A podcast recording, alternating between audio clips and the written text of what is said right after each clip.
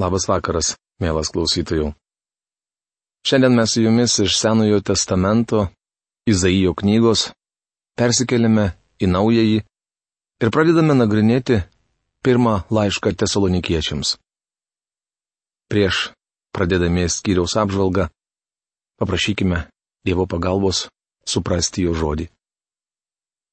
Tėve mes dėkojame tau, kad šiandien turime galimybę studijuoti tavo žodį Dėkojame, kad tu jį išsaugojai ir kad tu savo dvasios pagalba Dieve vedimus šventojo rašto puslapiais. Ačiū tau už tai, kad tu suteiki mums išminties suprasti tavo knygą, pamatyti tuo metu įvykius tavo akimis ir tinkamai pritaikyti žodį šiandien savo gyvenime. Dėkojame tau už šį vakarą ir už dar vieną galimybę ateiti prie tavo kojų, mokintis iš tavo šventos knygos. Prašome tavęs, kad tu išlietum savo dvasios ir mūsų širdis būtų pakaltintos. Mes galėtume priimti tuos pamokymus, kuriuos tu esi įdėjęs į šios knygos puslapius. Te tavo dvasia veda mus ir aiškina mums tavo žodį. Jėzaus Kristaus vardu To melžiame. Amen. Pratarmė. Pagal Naujojo testamento knygų išdėstymo tvarka šis nuostabus laiškas yra beveik pats paskutinis iš visų apaštalo Pauliaus laiškų. Tačiau iš tikrųjų tai buvo pirmasis Pauliaus rašytas laiškas. Į apaštalas parašė 52 arba 53 mūsų eros metais. Tesalonikos miestas buvo Romos imperijos kolonija.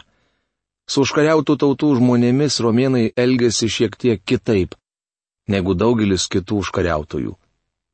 Pavyzdžiui, amerikiečiai stengiasi, kad viso pasaulio žmonės išmoktų jų kalbėjimo intonacijų ir mėgdžiotų elgesio manieras, tarsi jos būtų idealius. Romos imperijos valdininkai elgėsi daug sumaniau. Jie nesistengia tiesiogiai keisti užkariautos tautos kultūros, įpročių, papročių ar kalbos.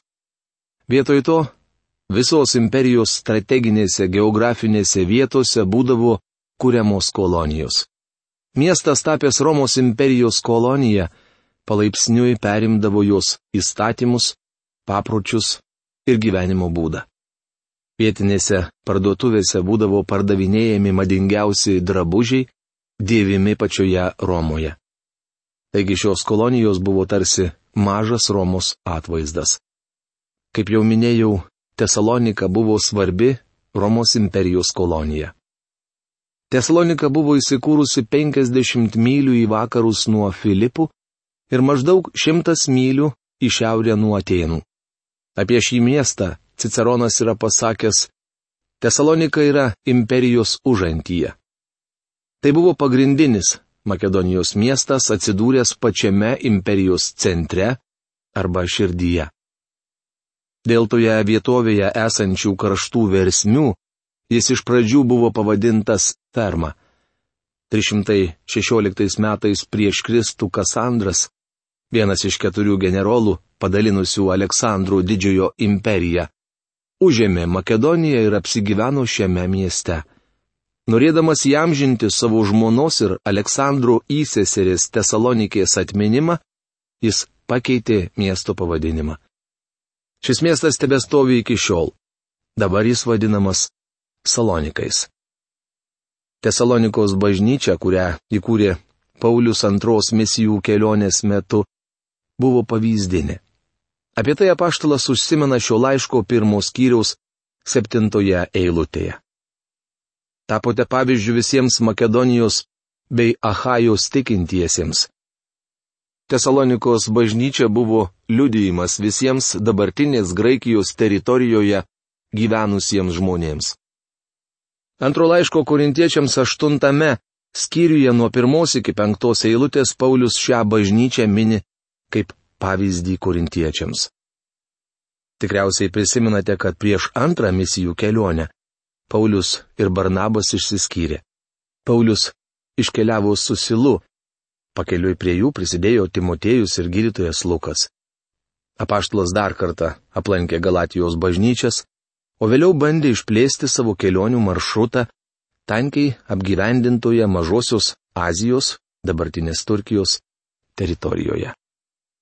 Mano manimu, Paulius ten ketino vykdyti misionieriaus tarnystę, nes trečios savo misijų kelionės metu jis tikrai apsistojo Efeze ir atliko galbūt didžiausią savo misionierišką darbą. Tačiau antros misijų kelionės metu Dievo dvasia sudarė kliūčių ir neleido apaštalui keliauti į pietus. Jis mėgino eiti į Bitiniją, bet Dievo dvasia ten eiti taip pat neleido. Negalėdamas keliauti nei į šiaurę, nei į pietus, Paulius patraukė į vakarus, atvyko į Truadę ir laukė nurodymų. Regėjime apaštalas pamatė makedonietį ir nukeliavo į Filipus. Atvykęs Paulius sužinojo, jog regėjime matytas makedonietis iš tiesų buvo moteris vardu Lydija. Jį priekiavo purpuro drabužiais ir tikriausiai turėjo nuosavą krautuvėlę. Apaštalas ją kartu su kitais miesto gyventojais atvedė pas viešpatį. Taip Filipuose buvo įkurta bažnyčia. Iš Filipų Paulius nuvyko į Tesaloniką. Apaštalų darbų 17 skyriuje rašoma, jog ten jis praleido tris šabus. Vadinasi, tame mieste apaštalas pragyveno šiek tiek mažiau nei mėnesį, tačiau per tą laiką sugebėjo atlikti milžinišką misionierišką darbą. Paulius buvo puikus misionierius, ir atvedė pas Kristų daugybę Tesalonikos gyventojų. Per trumpą laiką jis ne tik įkūrė vietinę bažnyčią, bet ir išmokė jos narius didžiųjų krikščioniško tikėjimo tiesų. Dėl didelio pasipriešinimo Evangelijai Paulius turėjo labai greitai palikti Tesaloniką. Išvarytas iš miesto apaštalas nuvyko į Berėją.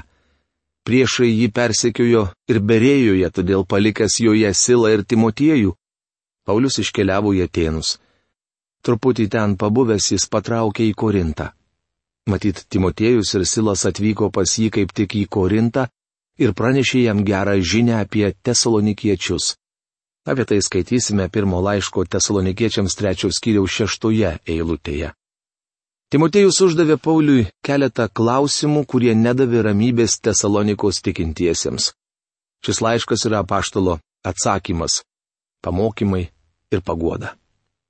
Nors Paulius Tesalonikoje praleido mažiau nei vieną mėnesį, jis aiškino daugelį didžiųjų bažnyčios doktrinų, tarp jų ir mokymą apie antrąjį Kristaus ateimą. Atkreipkite dėmesį, kad Paulius nemanė, jog naujai atsivertusiems ši tema per sunki. Šiandien yra bažnyčių, gyvuojančių daugiau nei šimtą metų. Deja, reikia pripažinti, kad jų narių supratimas apie bažnyčios paėmimą ir Kristaus ateimą įkurti savo karalystę žemėje yra labai miglotas.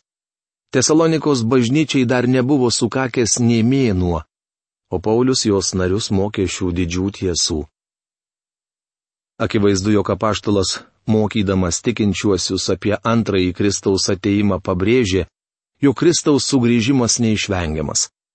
Per tą laiką, kai Paulius buvo išvykęs, kai kurie pažinę Jėzų Kristų ir juo patikėję šventieji mirė.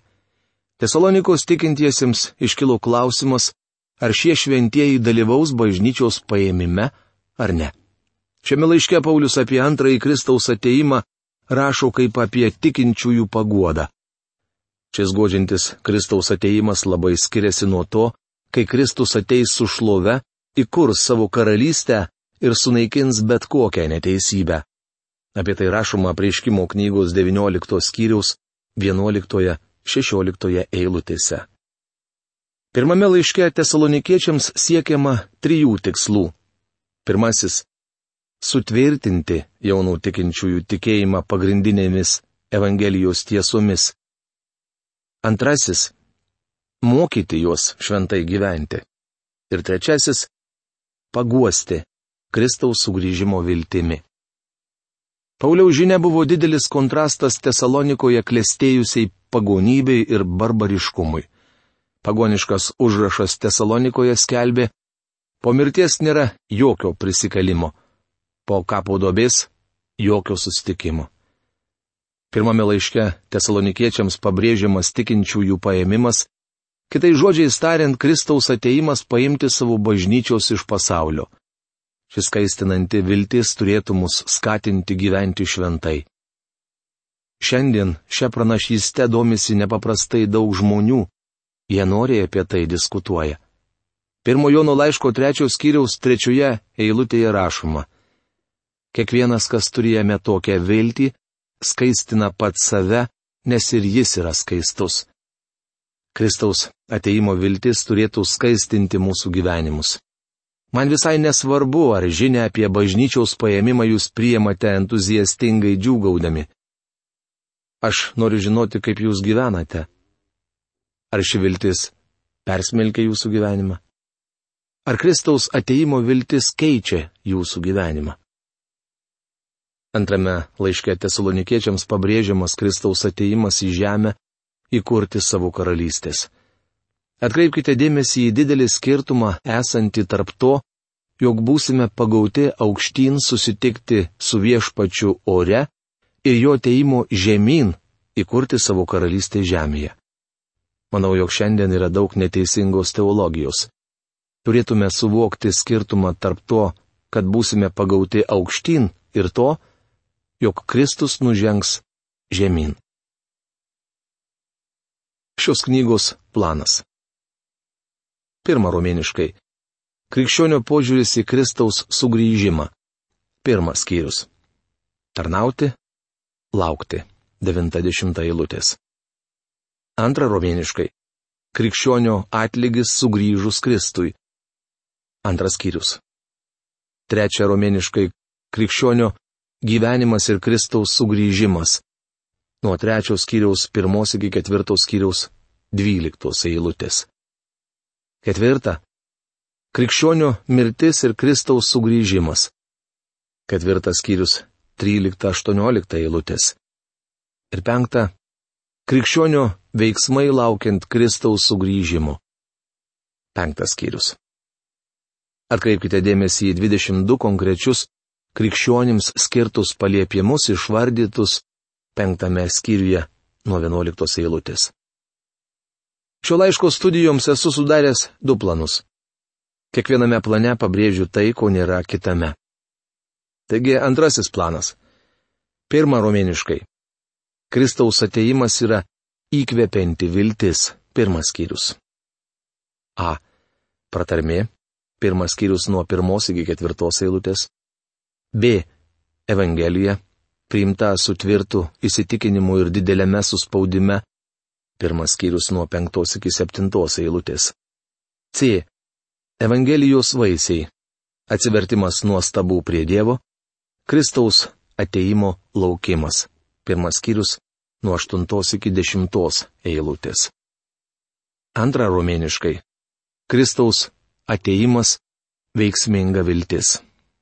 Antras skyrius. A. Tikro Kristaus liudytojo motyvas ir metodai. Antras skyrius nuo pirmos iki šeštos eilutės. B. Motiniškas apaštalo tarnavimas. Kitaip paguoda. Antras skyrius nuo septintos iki devintos eilutės. C. Tėviškas apaštalo tarnavimas kitaip reikalavimas. Antras skyrius nuo 10 iki 13 eilutės. D. Broliškas apaštalo tarnavimas, kitaip iššūkis. Antras skyrius nuo 14 iki 16 eilutės. E. Atlygis ištikimam Kristaus liudytojui. Antras skyrius nuo 17 iki 20 eilutės. Trečia romėniškai Kristaus ateimas yra skaistinanti viltis nuo trečios skyriaus pirmos eilutės iki ketvirtos skyriaus dvyliktos eilutės. Pašventinimas. A. Timotiejus atneša gerą žinę apie tesalonikiečius, trečias skyrius nuo pirmos iki aštuntos eilutės. B. Paulius ragina tesalonikiečius ir toliau aukti tikėjime, trečias skyrius nuo devintos iki tryliktos eilutės. C. Kaip turi gyventi tikintieji. Ketvirtas skyrius nuo pirmos iki dvyliktos eilutės. Ketvirta romėniškai. Kristaus ateimas yra pagodžianti viltis. Ketvirtas skyrius nuo 13 iki 18 eilutės. Ką krikščioniui reiškia mirtis, o bažnyčiai paėmimas. Ir penktą romėniškai. Kristaus ateimas yra gyva viltis. Penktas skyrius. Skatinimas veikti. Mirė tikintieji užmygo Jėzuje, gyvi tikintieji būdi dėl Jėzaus. A. Kvietimas būdėti ir nemiegoti laukiant Kristaus ateimo.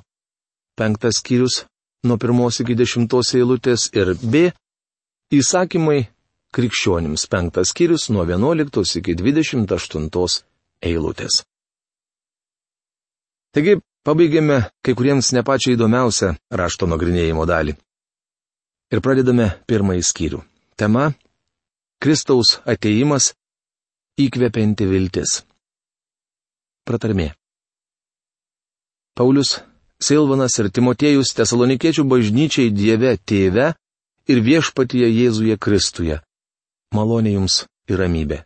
Pirmas laiškas tesalonikiečiams, pirmas skyrius, pirma eilutė. Kostas burbulį šią eilutę verčia šiek tiek kitaip.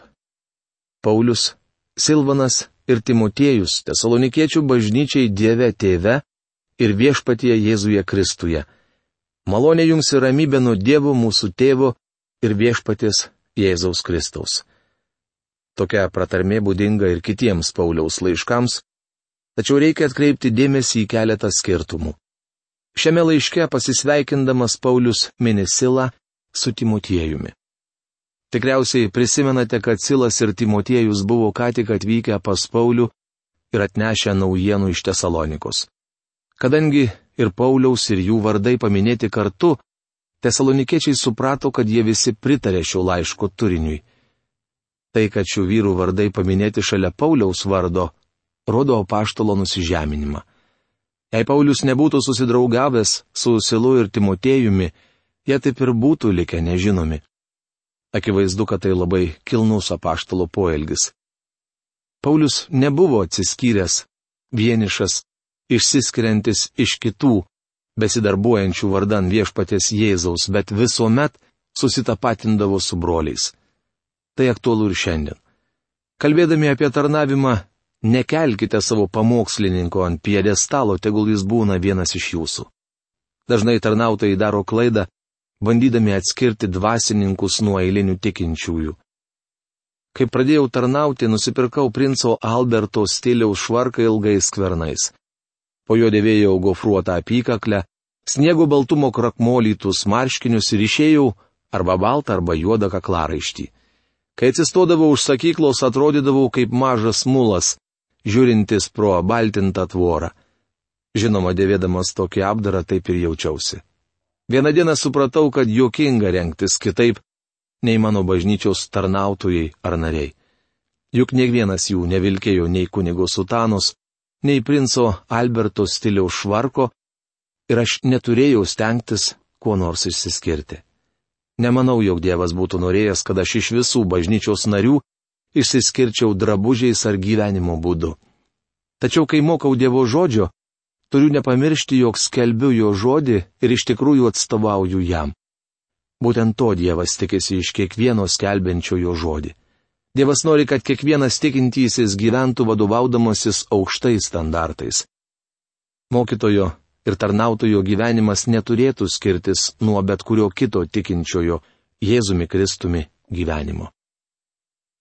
Norėčiau, kad skirtumas tarp dvasininkų ir eilinių tikinčiųjų būtų panaikintas. Dievo žodėje mokoma, kad toks skirstimas neteisingas.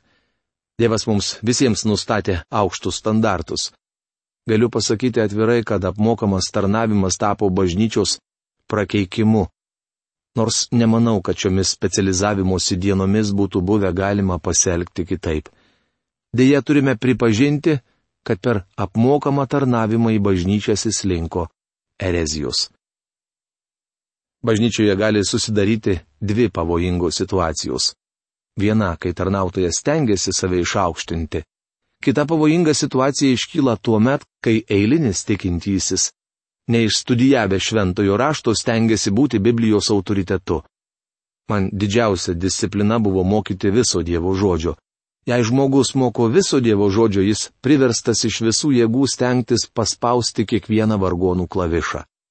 Jei mokytojas moko visos Biblijos, neįmanoma pabrėžti tik vieną temą, o kitas apleisti. Labai norėčiau, kad šiandien tokia disciplina būtų kiekvienoje bažnyčioje. Norėčiau, kad kiekvienoje bažnyčioje būtų studijuojama visa Biblija. Tesalonikiečių bažnyčiai Dieve Tėve ir viešpatyje Jėzuje Kristuje. Galbūt tesalonikiečių gyvenimo būdas buvo šiek tiek kitoks nei filipiečių. Galbūt jiems iškildavo kitokių problemų, tačiau apaštalas rašo, kad tesalonikiečių, kaip ir filipiečių, bažnyčia yra Dieve Tėve ir viešpatyje Jėzuje Kristuje. Kitose Pauliaus laiškuose to nerasime, nes, kaip jau minėjau, tai pirmasis Pauliaus parašytas laiškas. Šio žodžius jis sako tik vieną kartą ir to pakanka. Evangelijos pagal Joną 17 skyriuje nuo 21 iki 23 eilutės užrašyta viešpatės Jėzaus malda. Melsdamasis tėvui, jis prašė. Tegul visi bus viena. Kaip tu, tėve, manyje ir aš tavyje, tegul ir jie bus viena mumise, kad pasaulis įtikėtų, jog tu esi mane siuntęs ir tą šlovę, kurį esi man suteikęs, aš perdaviau jiems, kad jie būtų viena, kaip mes esame viena. Aš juose ir tu manyje, kad jie pasiektų tobulą vienybę. Bet kuris tikintysis esantis Kristuje Jėzuje, taip pat yra ir Dieve tėve. Ten taip saugu, kad net banko seife padėtos brangenybės nėra tokios saugios. Malonė jums ir ramybė nuo Dievo mūsų tėvo ir viešpaties Jėzaus Kristaus. Tokia formali visų Pauliaus laiškų pratarmė. Atkreipkite dėmesį, kad pirmiausia paminėta malonė, o po to Dievo ramybė. Ir malonė ir ramybė ateina iš Dievo tėvo ir viešpaties Jėzaus Kristaus. Kitoje mūsų laidoje mes pratesime pratarmės apžvalgą, kurie aprašyta pirmoje ketvirtoje eilutėse. O šios dienos laidos laikas baigėsi. Iki malonaus sustikimo. Sudė.